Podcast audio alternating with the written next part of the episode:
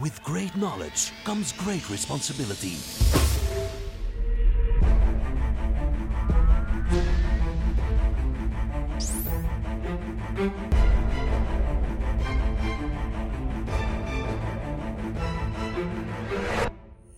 Fifty-two topics by Maarten Bové and Kevin Couvreur. Yes. Ja, Kevin, we zijn weer terug. We hebben terug een special guest in onze studio Ja. vandaag. Weer een nieuwe 52 Topics. Absoluut. Ja. Ehm, ja, wie is de gast eigenlijk vandaag? Ja, we hebben niemand minder dan de managing director van HP Enterprise. Stefan, welkom. Dank u, dank u om mij uitgenodigd te hebben. Met Ja. veel plezier. Ziet er eh, iemand uit die ook heel veel zin heeft om te praten over eh, HPE?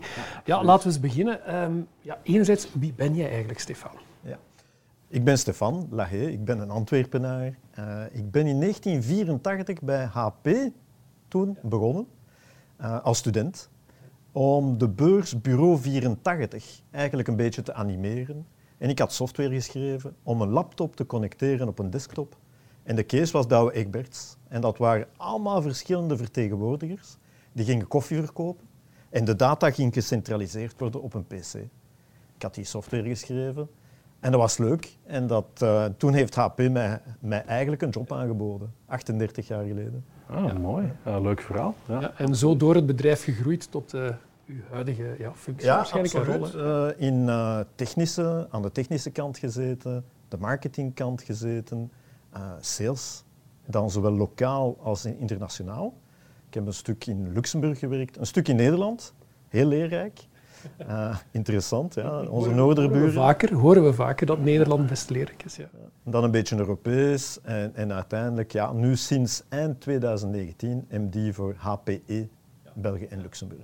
Ehm, misschien voor onze ja, kijkers en luisteraars, misschien toch nog wat meer kaderen. Ja, HP, ja, veel spreken nog altijd over HP, maar Ja. blijkbaar is er toch ja, een splitsing gebeurd een eh, tijdje terug. Hè. Kan je Ab- daar een klein beetje toelichten? Ja, absoluut. En dat is, dat is een vraag die dikwijls terugkomt. HP is gesticht in 1939 in een garage in Palo Alto, Californië. En daar zit nog altijd een bronzen plak om te zeggen, dit is eigenlijk de bakermat van Silicon Valley. En het bedrijf is dan enorm geëvolueerd over al die jaren heen. En 2015 was een sleuteljaar, want dan heeft het bedrijf zich opgesplitst in twee bedrijven, HP en HPE. HP doet PC's en printers. Wij doen servers, storage, networking. Wij zijn eigenlijk de datacentergasten. Wij zijn de gasten van de kelders. Eh, want je ziet ons weinig. Wij zitten helemaal niet in B2C. Wij zitten volledig in B2B. Eh, wij bedienen de grootste banken, de grootste, eh, de grootste industrieën en ook al hetgeen dat met government te maken heeft. Maar altijd in de datacenters.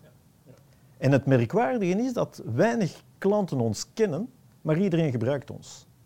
Als je vandaag ergens naartoe gaat en je hebt een GPS-signaal, of je doet een betaling, of je gaat bellen, of je gaat een vlucht boeken, ergens de bytes die lopen door een HPE ProLine server, of een HPE data storage, of een HPE Aruba networking gear. Ergens in die keten. Alomtegenwoordig blijkbaar, ja. Klopt, klopt. En ook trouwens in, België ook marktleiders. Hè. Dus ja, ik denk bijna iedereen komt er misschien zelfs dagdagelijks mee in aanraking, eh, zonder het echt te weten. Ehm, ja, er gebeurt ook heel veel, heel veel evolutie. Ehm, hè, cloud is bijvoorbeeld een van die grote trends. Ja, kan je daar maar meer over vertellen, hoe jullie daarmee omgaan? Ja, ja, ja het, is, het is interessant. Het is al 40 jaar spannend, want in onze industrie het verandert continu. En een van de grote doorbraken die er gebeurd is, is eigenlijk telecommunicatie. Vroeger had iedereen een computer en die computer die was niet gekoppeld met de buitenwereld. En die was gewoon on-site, on-prem, zoals we zeggen, bij de klant zelf. Met de komst van telecommunicatie en de komst van internet en hetgeen men de cloud noemt, heb je nu veel meer mogelijkheden. Je kunt als klant beslissen van ik koop alles en ik gebruik alles on-prem bij mij. Of je kunt ook zeggen nee, ik plaats gewoon alles in de cloud en ik laat het beheren door een derde partij. Zowel mijn applicaties als mijn data en ik geef het uit. Of ik ga eigenlijk mijn on-prem infrastructuur gaan gebruiken zoals een cloud, met dezelfde tools, dezelfde middelen, dezelfde processen. En eigenlijk heb je vandaag heel veel keuze. En klanten die zitten voor de uitdaging van welke applicatie ga ik nu volledig in een publieke cloud zetten, die meestal multi-tenant is. En dat betekent dat meerdere klanten dezelfde infrastructuur gebruiken. Ofwel gaat je lokaal een applicatie plaatsen op je eigen infrastructuur die je volledig managt. Met alle voordelen en nadelen van uh, de setup. Ja, onlangs was het uh, HP Discover, hè? HPE Discover, excuseer, ik moet opletten, hè? mag de fout niet maken. Ah, ja, ja, ja, ja, je hebt niet goed geluisterd. 5 euro in een potje steken, dankjewel. Ja, HP Discover, ja, een van de zaken die daar heel prominent aanwezig was als term, was natuurlijk ja, GreenLake. Het is al een tijdje dat HPE met GreenLake speelt, experimenteert, mm ja, toch ook een beetje wegzoekt.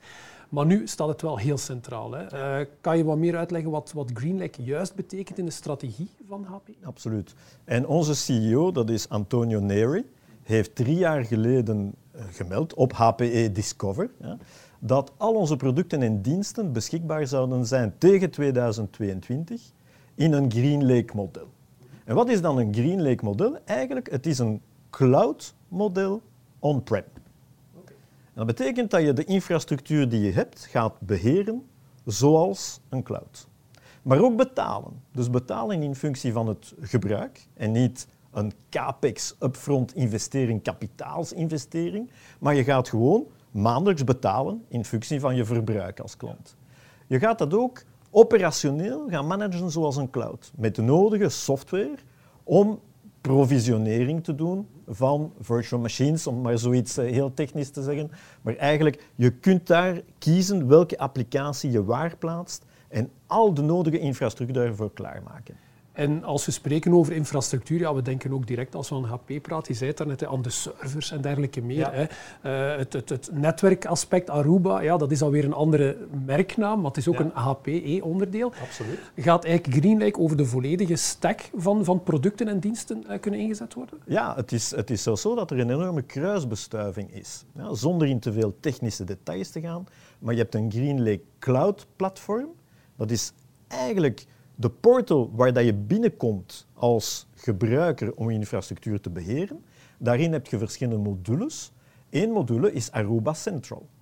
En Aruba Central is het beheer van de Aruba Access Points en de Aruba Network Switches.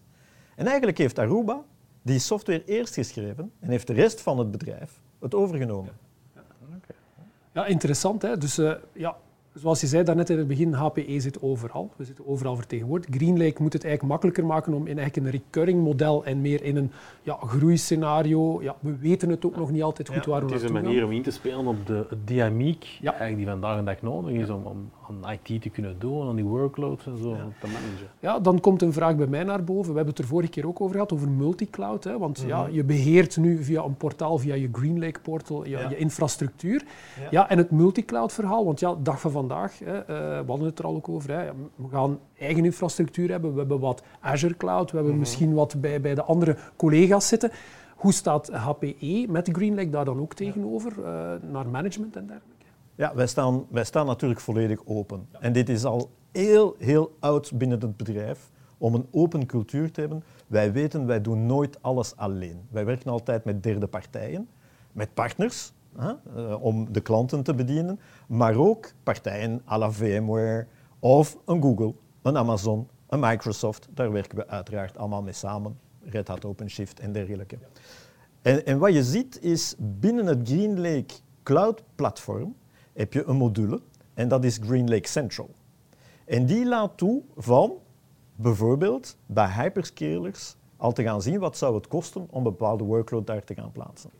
Dus je hebt costingmodules die deel uitmaken van GreenLake Central. Op termijn, want we blijven daar enorm in investeren, is het de bedoeling dat je heel snel workloads kunt bewegen van één setup naar een ander setup. Ja? Zodanig dat ik zeg, kijk, die applicatie die mag voor mij in de publieke cloud, die moet in een private cloud komen, die moet volledig on-prem komen, afhankelijk van de noden. En, en, je had het ook al een beetje gezegd, Maarten, het is een dynamisch gebeuren. Ja, ja absoluut. Ja. ja. Uh, heel interessant, en dat doet mij terugdenken ook aan een tijdje geleden, wanneer ik een, een, een sessie had gevolgd over data. En dan zei ja, in de toekomst ga je niet meer weten exact wat je data is. Ja. Die kan een tijd in de public cloud zitten en dan misschien op infrastructuur komen. En wat ik u nu hoor vertellen, ja inderdaad, we zijn daar meer en meer naartoe aan het evolueren. Dat we eigenlijk ja, management krijgen die dat allemaal mogelijk maakt eigenlijk. Heel flexibel om te gaan. En de beste keuze voor die moment, dat past in de strategie, of misschien kostgewijs, uh, het zwaan. Ja, absoluut. In ons privéleven hebben we dat vandaag al. Je, je neemt een foto met de smartphone, zit die in de cloud, zit die op de smartphone, is die gekopieerd op een OneDrive ergens? Op den duur weet je het niet meer. Ja? En dat is een uitdaging voor bedrijven, professionele wereld. Want data is heel belangrijk voor bedrijven. In data zit heel veel waarde. En dan moet je bepalen van welke data ben ik bereid van niet on-prem te houden, met andere woorden uit te geven aan een derde en hem te vertrouwen, ook op het gebied van wetgeving. Patriot Act. Ga je data plaatsen in de US en dat mag ingekeken worden door de NSA en andere instanties? We don't know. Dus soms wel, soms niet. En dat is weer een volledig dynamische omgeving. Ja, een van de zaken die daar net ook aanhaalde was vooral ja, kostefficiëntie. Hè, waar dat we natuurlijk ook een grote uitdaging is van ja, hoe gaan we sizen. En ook, we hadden het er ook in een van onze uh, episodes in, Maarten, in 52 Topics, dat over die kostcontrolling. Hè. Uh, is een hele belangrijke. Hè. Vooral ook, en een van de punten was daar dat we het over hadden van ja, kunnen we eens een inventaris maken van wat we vandaag hebben en mhm. hoe we dat gebruiken. Want veel ja, servers draaien soms of zijn actief en gebruiken we praktisch niet. Ik denk dat HPE daar ook redelijk sterk op inzet om vooral die zichtbaarheid te krijgen, ook in een multi-cloud-omgeving, van welke resources gebruiken we en dergelijke, uh, op een efficiënte manier. Absoluut. Hè. Dus binnen GreenLake Cloud Platform heb je Compute Operations Manager, heb je Data Services Cloud Console, heb je verschillende modules. En sommige van die modules doen aan inventarisering van hetgeen, hetgeen dat je hebt. Nu, ik kom heel veel klanten tegen die echt niet meer weten wat ze hebben en het hardwareluik is eigenlijk nog het gemakkelijkste. Want je moet de inventarisatie ook doen op het gebied van applicaties. Wij zijn zelf binnen HPE in een volledige rationaliseringsoefening beland, waar we meer dan duizend applicaties teruggebracht hebben naar 400. Maar dus dat bedrijf, HPE, een bedrijf van 62.000 man in de wereld, wij gebruiken 400 verschillende applicaties. En die zijn allemaal met elkaar gekoppeld.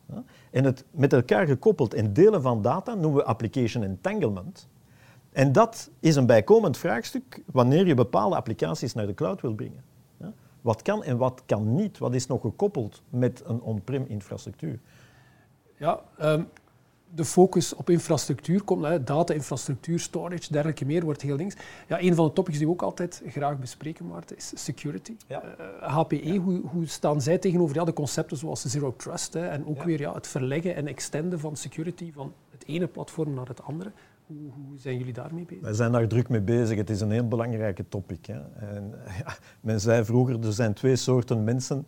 De mensen die data hebben verloren en de mensen die data gaan verliezen. Uh, ik denk met security is hetzelfde. Bepaalde klanten zijn al gehackt, andere gaan gehackt worden. Of weten het. Of, of weten het zelfs niet. Ja, ja je, hebt, je hebt volledig gelijk. Dus wij werken natuurlijk dikwijls vanuit de infrastructuur om mee te beginnen. Een HPE-server, de box, aan zich heeft al de nodige hardware om te bepalen of er met de BIOS is geknoeid of niet. Dus wij gaan die onderste lagen al volledig protecten. We gaan ze zelf protecten op het gebied van supply chain. Tussen het moment dat een product van de fabrieksband rolt en het moment dat hij bij de klant wordt geïnstalleerd door jullie, ja, daar mag ook niet mee geknoeid worden. Dus daar gaan we aan, aan tracing doen. Ja? Uh, dat dat physical security, hè? De physical security. De physical security, ja. Dat, dat, is een belangrijk element. En dan ga je alle verschillende softwarelagen bewerken. Wij zijn geen security vendor aan zich. Maar binnen Aruba bijvoorbeeld, met het ClearPass gebeuren, heb je een heel duidelijke security oplossing. Al hetgeen dat we doen rond uh, GreenLake zit in het kader van SWIFE, die ook een security framework is. Uh, dus ja, dat, dat zijn uh, dingen die we daar rond doen. Toch security by design uiteindelijk. Security by design en security in bepaalde applicaties. Ik wil even Zerto toelichten. Zerto is een recentere, een recentere acquisitie van HPE waar wij uh, ransomware protection doen en voornamelijk ervoor zorgen dat klanten heel snel voor de aanval daar kunnen recoveren. Ja, het recovery point objectief en het recovery time objectief, met andere woorden, hoeveel data ga je verliezen en hoe snel ben je terug up and running, die gaan we zoveel mogelijk inkorten met die toepassing. Heel boeiend. Ja, ik moet zeggen, ik sta toch met open mond te luisteren. het is heel interessant wat mij ook heel hard opvalt, hè, ja, ik ben natuurlijk iemand, ik ben heel veel met Microsoft Azure en Cloud bezig. Ik moet ook wel zeggen, HP Enterprise is helemaal mee eigenlijk met, met de noden vandaag. Ja. Bedrijven nodig hebben rond security, rond, rond het dynamische, rond de flexibiliteit eigenlijk. Ja, wat voor heel mij... boeiend. En het werkt ook allemaal mooi samen. Ja, en wat voor mij duidelijk is, het gaat niet meer over de doos verkopen. Hè.